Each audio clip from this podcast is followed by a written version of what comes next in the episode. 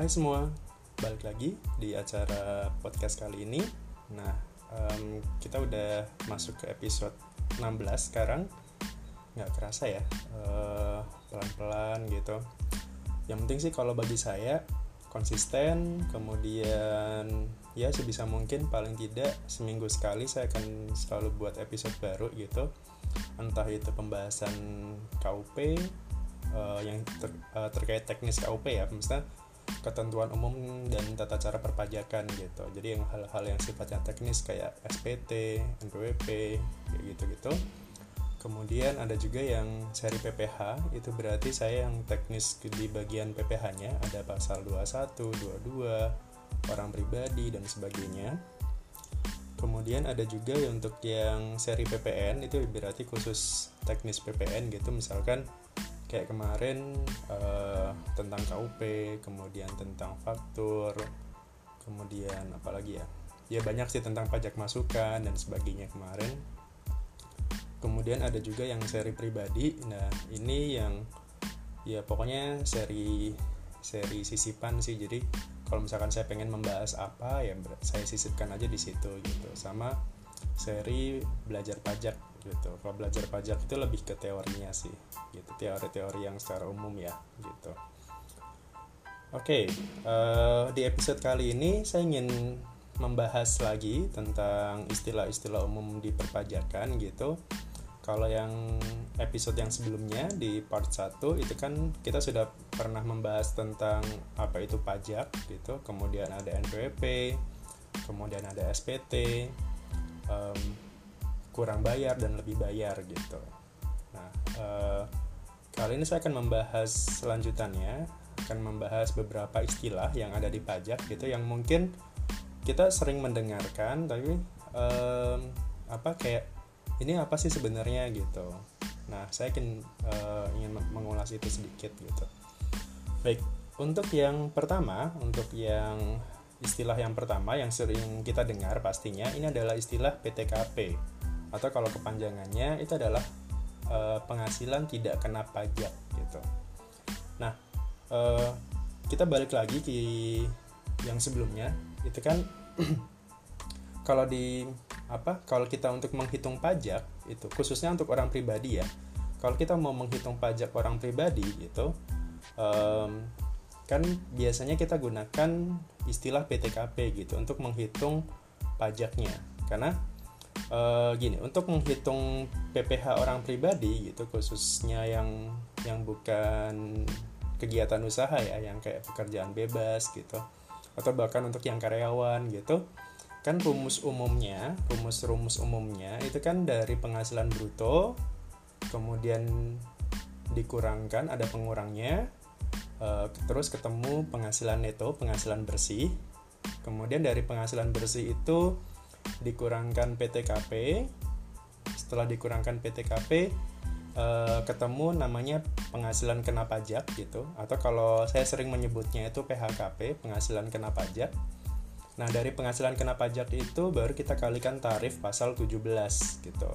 Artinya eh, kalau tarif pasal 17 itu yang berjenjang itu ya yang 0 sampai 50 eh, juta penghasilan kena pajaknya itu berarti tarifnya 5%, kemudian 50 sampai 250 itu tarifnya 15%, kemudian 250 sampai 500 juta itu 25%, dan yang terakhir di atas um, 500 juta itu tarifnya adalah 30%. Dan ini sifatnya progresif ya, maksudnya uh, katakanlah gini, uh, orang tersebut penghasilan kena pajaknya ya. Kena pajaknya misalkan di angka 100 juta gitu.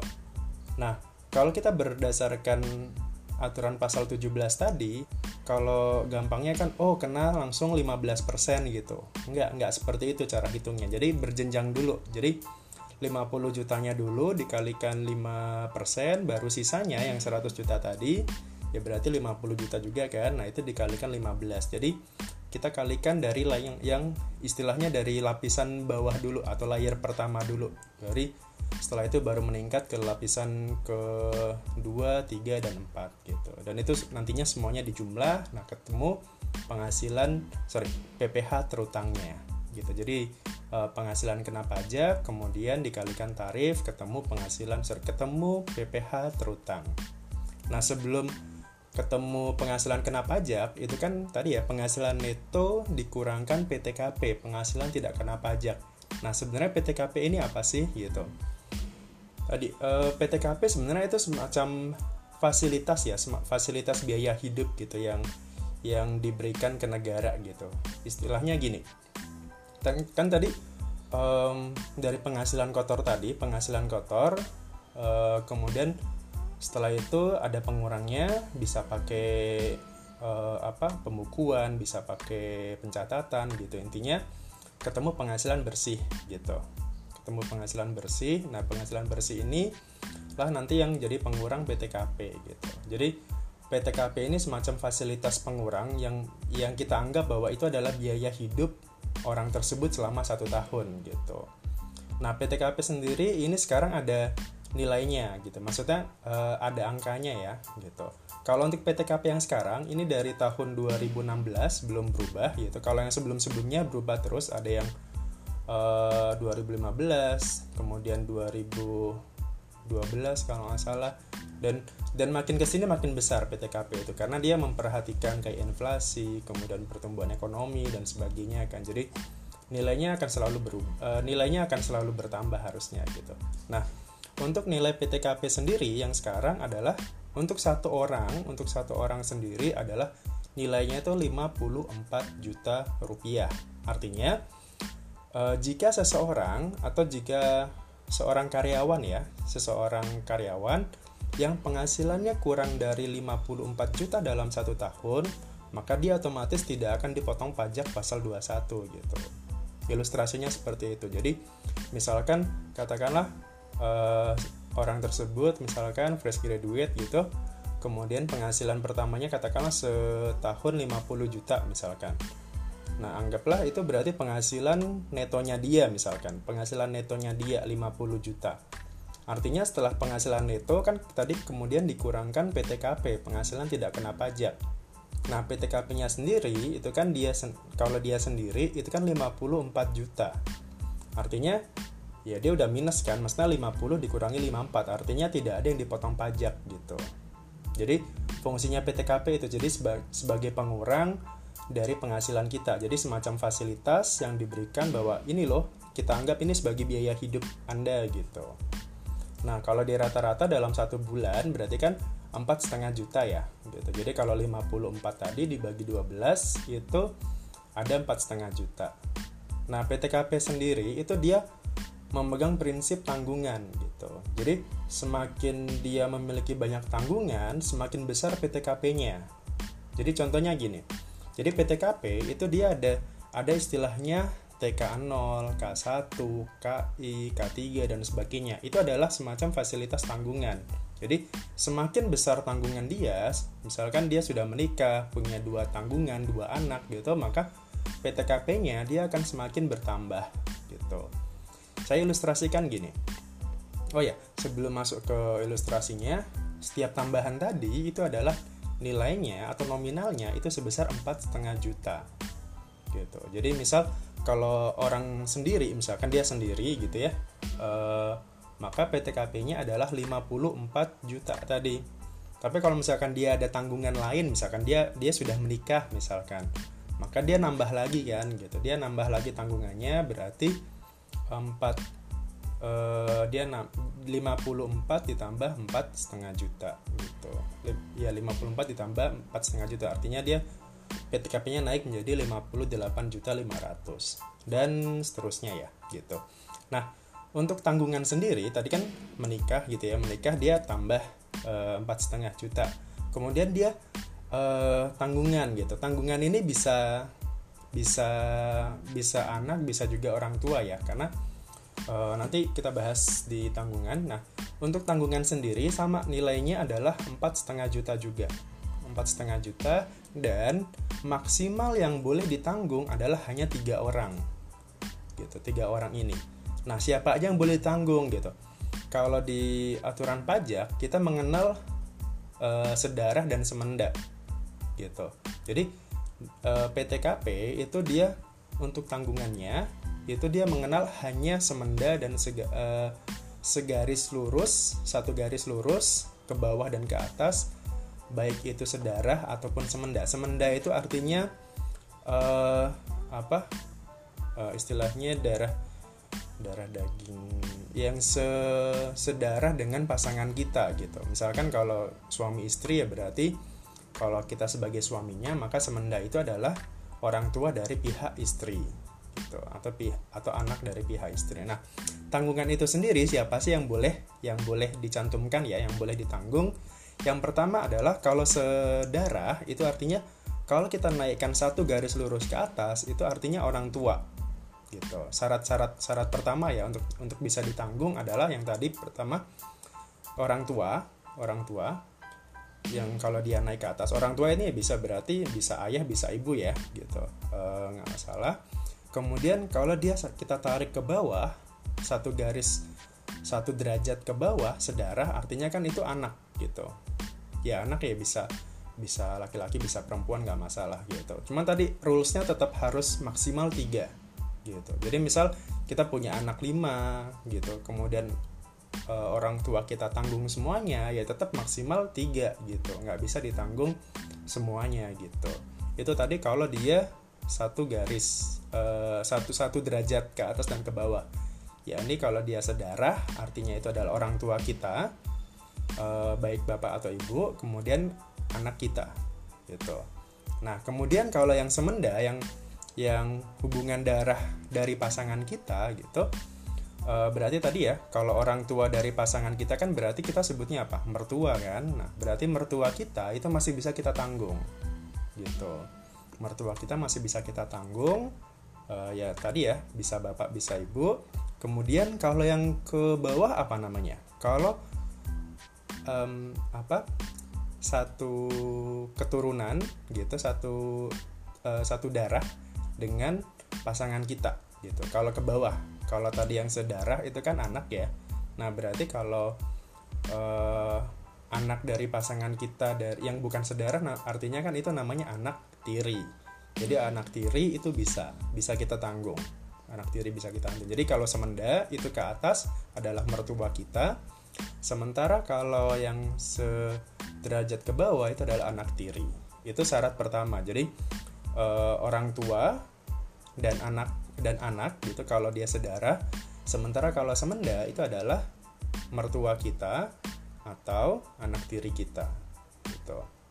Yang yang tentunya sudah kita maksudnya anak tirinya anak tiri yang kita beneran tanggung ya gitu. Maksudnya bukan katakanlah dari pasangan kita sebelumnya kemudian dia sudah punya anak dan anaknya itu kita sudah tinggal bersama kita misalkan maka itu bisa kita tanggung. Itu syarat pertama.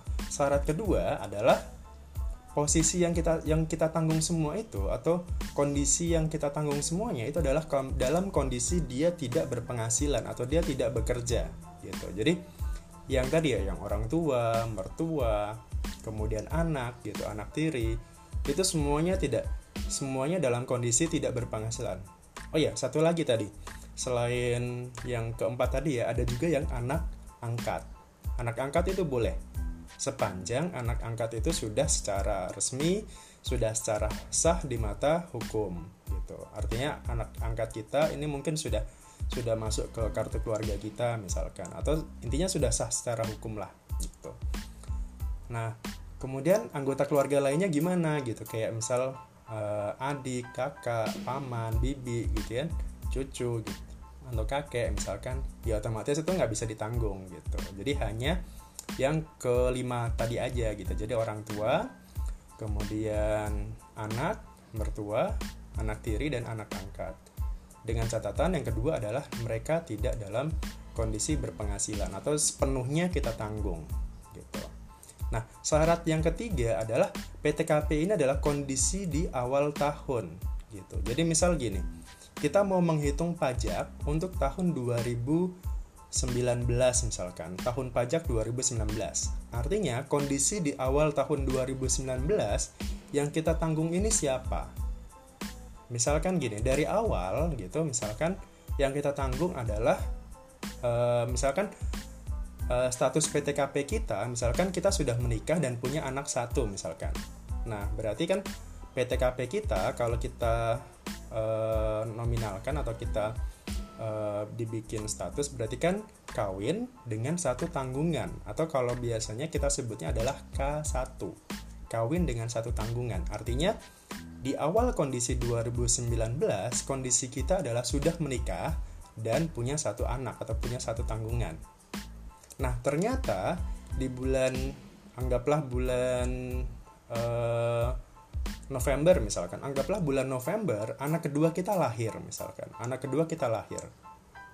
Nah, berarti di tahun 2019 itu PTKP kita masih K1 gitu. Kenapa? Karena anak kedua kita itu lahir baru di bulan November gitu. Jadi belum masuk PTKP kita. Nah, nanti di tahun 2020, maka PTKP kita nantinya akan bertambah menjadi K2, kawin dengan dua tanggungan. Gitu. Kurang lebih itu untuk syarat-syarat PTKP. Kemudian ada juga kalau misalkan gini, eh, seorang istri misalkan, boleh nggak eh, nanggung PTKP-nya? Nggak bisa. Secara umum, kalau di perpajakan itu adalah PTKP itu yang menanggung adalah suaminya. Jadi secara umum eh, PTKP itu hanya untuk yang suami dengan catatan bahwa suaminya ini suaminya ini bekerja dan berpenghasilan ya, berpenghasilan gitu, bekerja. Nah, kalau misalkan ternyata gini, istrinya itu yang bekerja, suaminya katakanlah sakit gitu ya, kemudian nggak bekerja gitu kan, maka PTKP-nya boleh nggak dia dia menanggung itu gitu. Kalau kalau normalnya kalau PTKP istri itu adalah kalau dia masih punya NPWP ya misalkan dia punya NPWP juga dan dan terpisah misalkan maka PTKP-nya adalah tetap dianggap TK 0 atau tidak ada tanggungan atau tadi 54 juta. Nah, sementara kalau kalau dia e, menikah ternyata kemudian suaminya tidak bekerja dan dia menanggung dua anak misalkan maka dia boleh. PTKP-nya adalah berarti sebesar K2 54 ditambah 4,5 juta karena menikah dan ditambah dua tanggungan berarti dua dikalikan empat setengah juta gitu jadi berapa tuh? 54 ditambah 13 juta 500 gitu kurang untuk uh, itu yang PTKP ya untuk yang PTKP nah tapi ya tadi untuk yang istri tadi yang yang karyawati yang menikah gitu untuk perempuan yang bekerja dia harus bisa membuktikan itu ya. Maksudnya benar tidak suaminya ini memang tidak bekerja gitu. Dia harus ada surat pembuktiannya gitu. Paling tidak dari kecamatan gitu atau dari dari instansi yang berwenang lah gitu. Jadi itu syarat syarat untuk PTKP jadi yang dimaksud PTKP adalah semacam fasilitas pengurang untuk biaya hidupnya orang tersebut gitu. Kemudian untuk sekarang untuk sendiri itu adalah 54 juta. Kemudian uh, setiap tambahannya setiap dia uh, misalkan ketika dia kawin atau menikah gitu maka tambahannya adalah empat setengah juta kalau misalkan dia kawin sampai atau menikah sampai beberapa kali misalkan ya tetap tetap k satunya tetap satu gitu. Maksudnya kalau misalkan dia punya istri katakanlah dua tiga empat gitu ya ya tetap istrinya tetap satu gitu. Maksudnya tanggungannya tetap satu gitu loh. Terserah mau istri yang mana ya gitu mau berebutan juga silakan gitu. Nggak bisa misalkan istri empat kemudian uh, asumsi dia belum punya anak gitu ya misalkan K3 gitu kawin kawin kawin gitu nggak bisa gitu. K-nya tetap nol. Maksudnya K nol gitu kawin dan tidak ada tanggungan gitu. Terserah mau yang istri yang satu dua tiga empat gitu. Ya silakan aja sih kalau berani gitu kan. Oke untuk yang PTKP jadi kita lihat dulu uh, kondisi awal tahunnya seperti apa gitu. Kemudian berikutnya adalah um, kondisi sorry bukan kondisi. Um, istilah yang berikutnya adalah mengenai kredit pajak gitu. Jadi kan biasanya kita sering dengar nih apa sih itu kredit pajak gitu kan? Kok kayak kredit angsuran ya gitu. Sebenarnya sih mirip gitu. Jadi kalau di kredit pajak itu adalah uh, ada dua sih sebenarnya. Kredit pajak itu ada yang untuk PPH ada juga untuk yang PPN nah PPH itu biasanya terkait dengan angsuran biasanya angsuran atau pajak yang sudah dipotong sebelumnya gitu. Ilustrasinya gini, kredit pajak kalau di PPH ya gitu. Kan kalau PPH, khususnya kita bicara PPH orang pribadi ya gitu. Kalau PPH itu kan pajaknya itu kan sebenarnya di terutangnya itu kan setahun setahun sekali sebenarnya jadi kan penghasilan itu uh, kita setahun gitu setahun penghasilan kita kemudian penghasilan bersih kita berapa PTKP tadi kemudian setelah itu dihitung PPH terutangnya misalkan. Gitu PPH terutangnya tadi ya. Nah anggaplah gini uh, setelah dihitung-hitung penghasilan sorry pajak terutang kita PPH terutang kita itu setahun adalah sebesar 15 juta misalkan setahun 15 juta. Nah kan kalau 15 juta itu kan pajak terutangnya gitu. Nah kalau misalkan kita langsung bayar sekali saat itu 15 eh, juta kan terasa berat ya pastinya gitu kan sekali bayar masa langsung 15 juta gitu kan terasa berat gitu. Nah di pajak itu ada istilah tadi istilahnya kredit pajak gitu. Artinya ada beberapa jenis PPH atau beberapa jenis pasal di PPH yang itu bisa mengurangi 15 juta tadi gitu. Contohnya gini, ada beberapanya itu ada pasal 25, kemudian ada pasal 21, ada juga pasal 22, 23 gitu. Itu sebagai pengurang semua. Jadi contohnya gini. Misalkan saya seorang dokter misalkan, saya seorang dokter nih. Gitu. Saya bekerja di rumah sakit dan juga punya klinik pribadi misalkan. Nah, tadi uh, saya bekerja di rumah sakit, artinya kan biasanya rumah sakit itu akan memotong pajak saya biasanya kan. Setiap bulan kan pasti akan dipotong pajak. Itu kan biasanya namanya kalau itu namanya adalah PPA pasal 21 bulanan gitu. Jadi biasanya rumah sakit akan membuat bukti potong dan ini harus disimpan gitu. Akan membuat bukti potong rumah sakit gitu bahwa ini loh bulan ini saya dipotong pajak sekian bulan berikutnya saya dipotong pajak sekian gitu sampai 12 bulan kemudian di samping itu uh, saya juga punya klinik tadi kan. Saya punya klinik uh, anggaplah omsetnya ya lumayan gitu. Nah tadi um, kalau tadi yang dipotong tadi adalah pasal 21 nah kemudian saya berinisiatif sendiri gitu. Saya berinisiatif sendiri untuk mengangsur gitu. Nah angsuran ini namanya PPA pasal 25 nah misal nih uh, angsuran saya misalkan 100 ribu gitu tiap bulan gitu. Tiap bulan 100 ribu. Nah itu PPH pasal 25 kemudian kalau tadi misal PPH pasal 21 nya yang sudah dipotong anggaplah 2 juta misalkan. Oke. Nah kita hitung nih tadi kan PPH terutang setahun adalah misal 15 juta gitu 15 juta setahun. Nah, tinggal kita kurangkan dengan kredit-kredit pajak tadi gitu. Pasal 25, oke, pasal 25 sebulan 100 ribu. Artinya berarti setahun kan berarti sebesar berapa tuh? Uh, eh jangan 100 ribu ya? 15 juta. Uh, oh ya misalkan setahun satu juta deh gitu. Satu juta dan kalau pasal dua satunya tadi 2 juta misalkan Berarti kan kalau setahun angsuran kita dari yang satu juta tiap bulan kan terkumpul 12 juta. Ya kan 12 juta pasal 25-nya selama satu tahun. Kemudian tadi pasal 21 yang sudah dipotong sama rumah sakit. Oh, ternyata totalnya ada 2 juta. Nah, kita total tuh kredit pajaknya. Pasal 21 2 juta, kemudian pasal 25-nya 12, total-totalnya kan berarti 14 juta kan? Nah sementara PPH terutang kita tadi kan 15 juta. Nah kredit pajak itu sama seperti angsuran kayak cicilan mobil motor gitu kan? Itu sama aja. Uh, apa?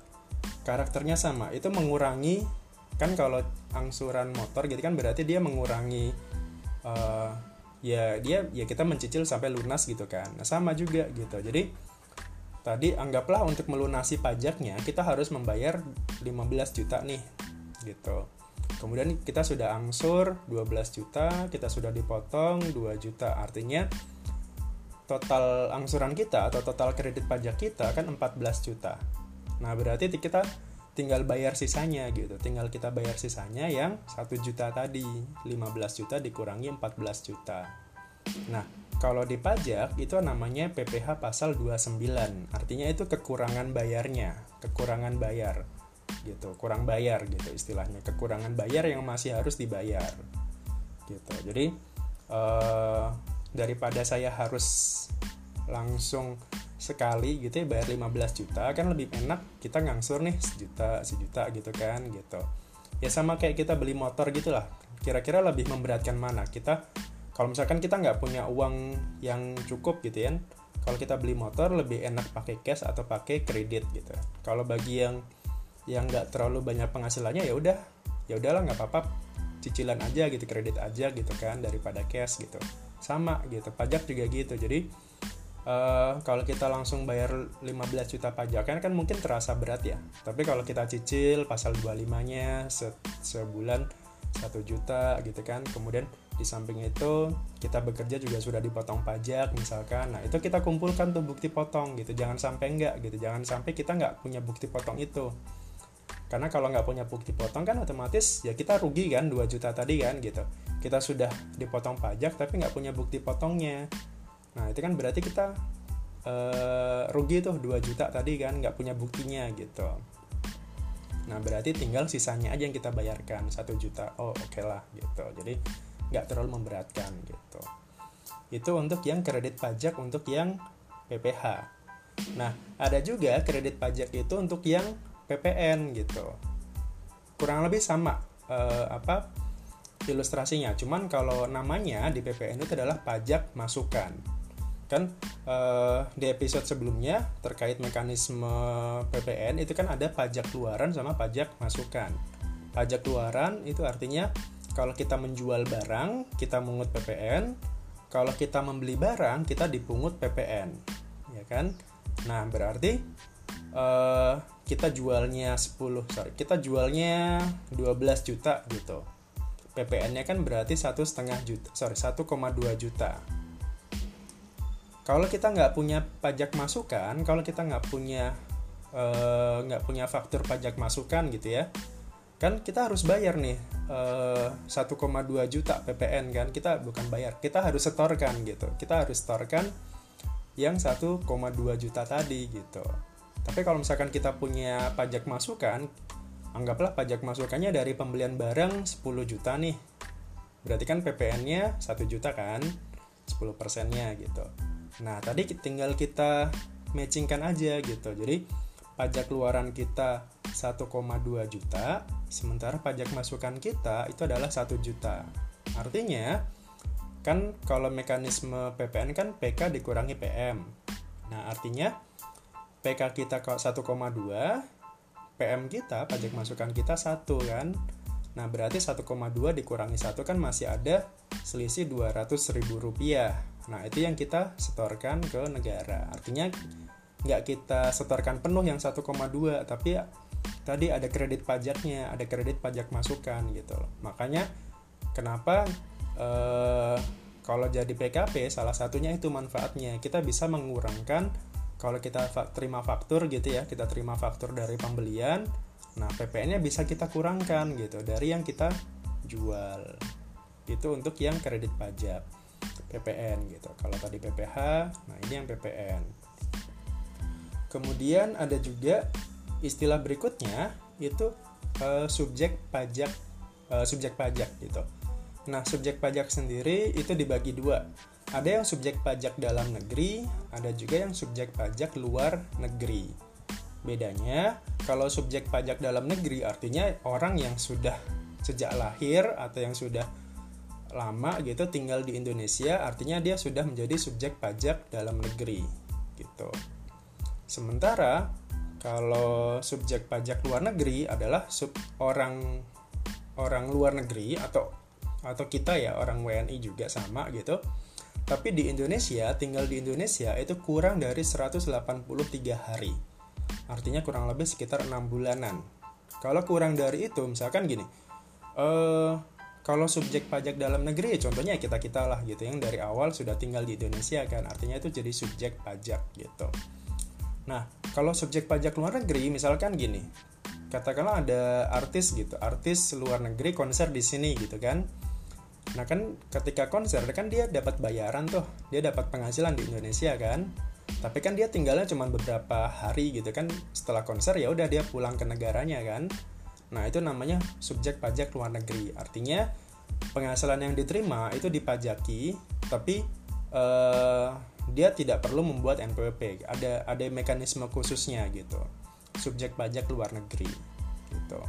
Jadi dia terima penghasilan di sini tapi statusnya adalah subjek pajak luar negeri. Artinya orang tersebut kurang dari 183 hari.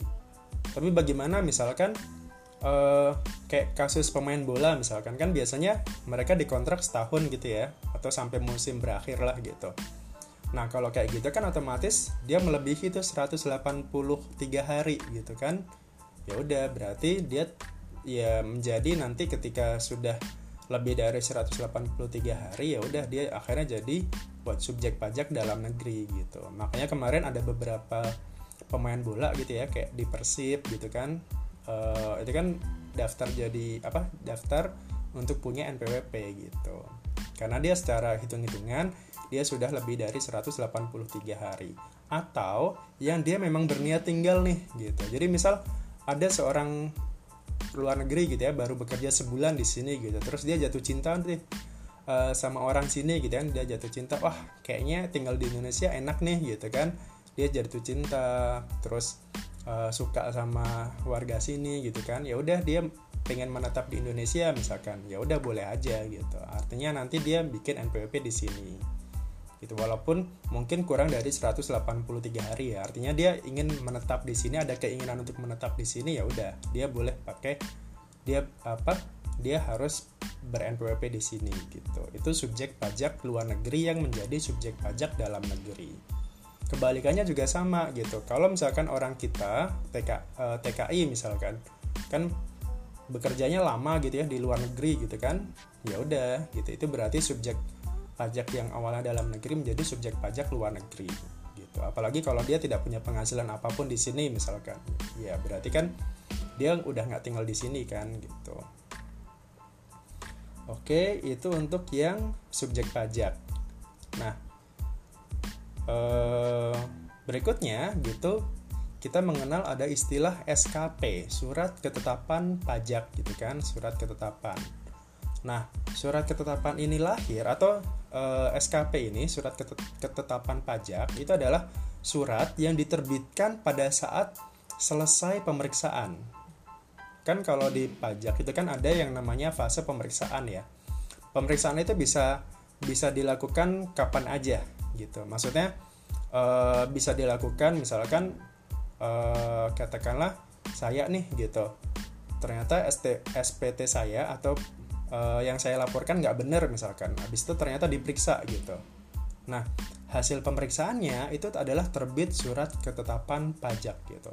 Dan nggak mesti uh, karena salah juga gitu. Bisa jadi karena kayak tadi lebih bayar kayak yang contoh kasus kemarin itu kan ada yang namanya lebih bayar ya.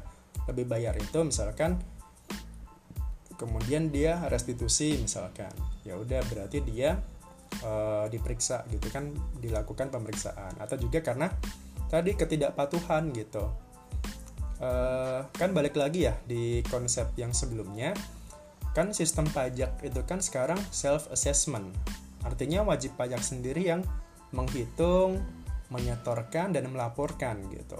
Nah ternyata kalau kita temukan data bahwa oh salah nih orang ini gitu. Pajaknya nggak sesuai gitu kan ya udah ada satu fase yang namanya pemeriksaan. Nah hasil pemeriksaannya itu adalah surat ketetapan pajak gitu. Nah surat ketetapan pajak ini sendiri itu ada ada empat jenis sih. Ada empat jenis. Yang pertama adalah surat ketetapan pajak kurang bayar. Artinya dari hasil pemeriksaan tadi itu masih ada pajak yang masih yang harus dibayarkan gitu. Kayak tadi misalkan uh, kita temukan data bahwa orang ini nggak bayar pajaknya dengan benar gitu. Harusnya sekian juta tapi dia cuma bayar 100 ribu misalkan. Ya udah kita tagih kan sisanya. Nah kita tagihnya itu pakai yang SKP KB tadi surat ketetapan pajak kurang bayar. Ada juga yang surat ketetapan pajak lebih bayar.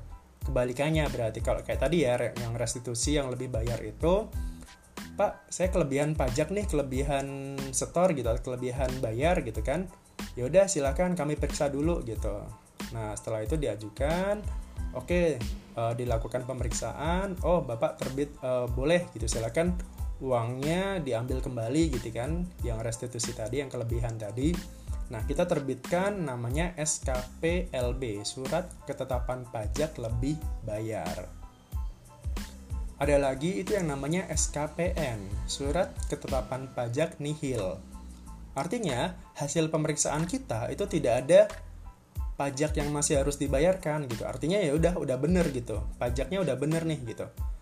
Uh, yang dibayarkan dengan yang seharusnya dibayarkan itu udah sama gitu. Hasil pemeriksaannya udah nggak ada temuan apa-apa misalkan. Ya udah kita terbitkan namanya SKP nihil atau surat ketetapan pajak nihil.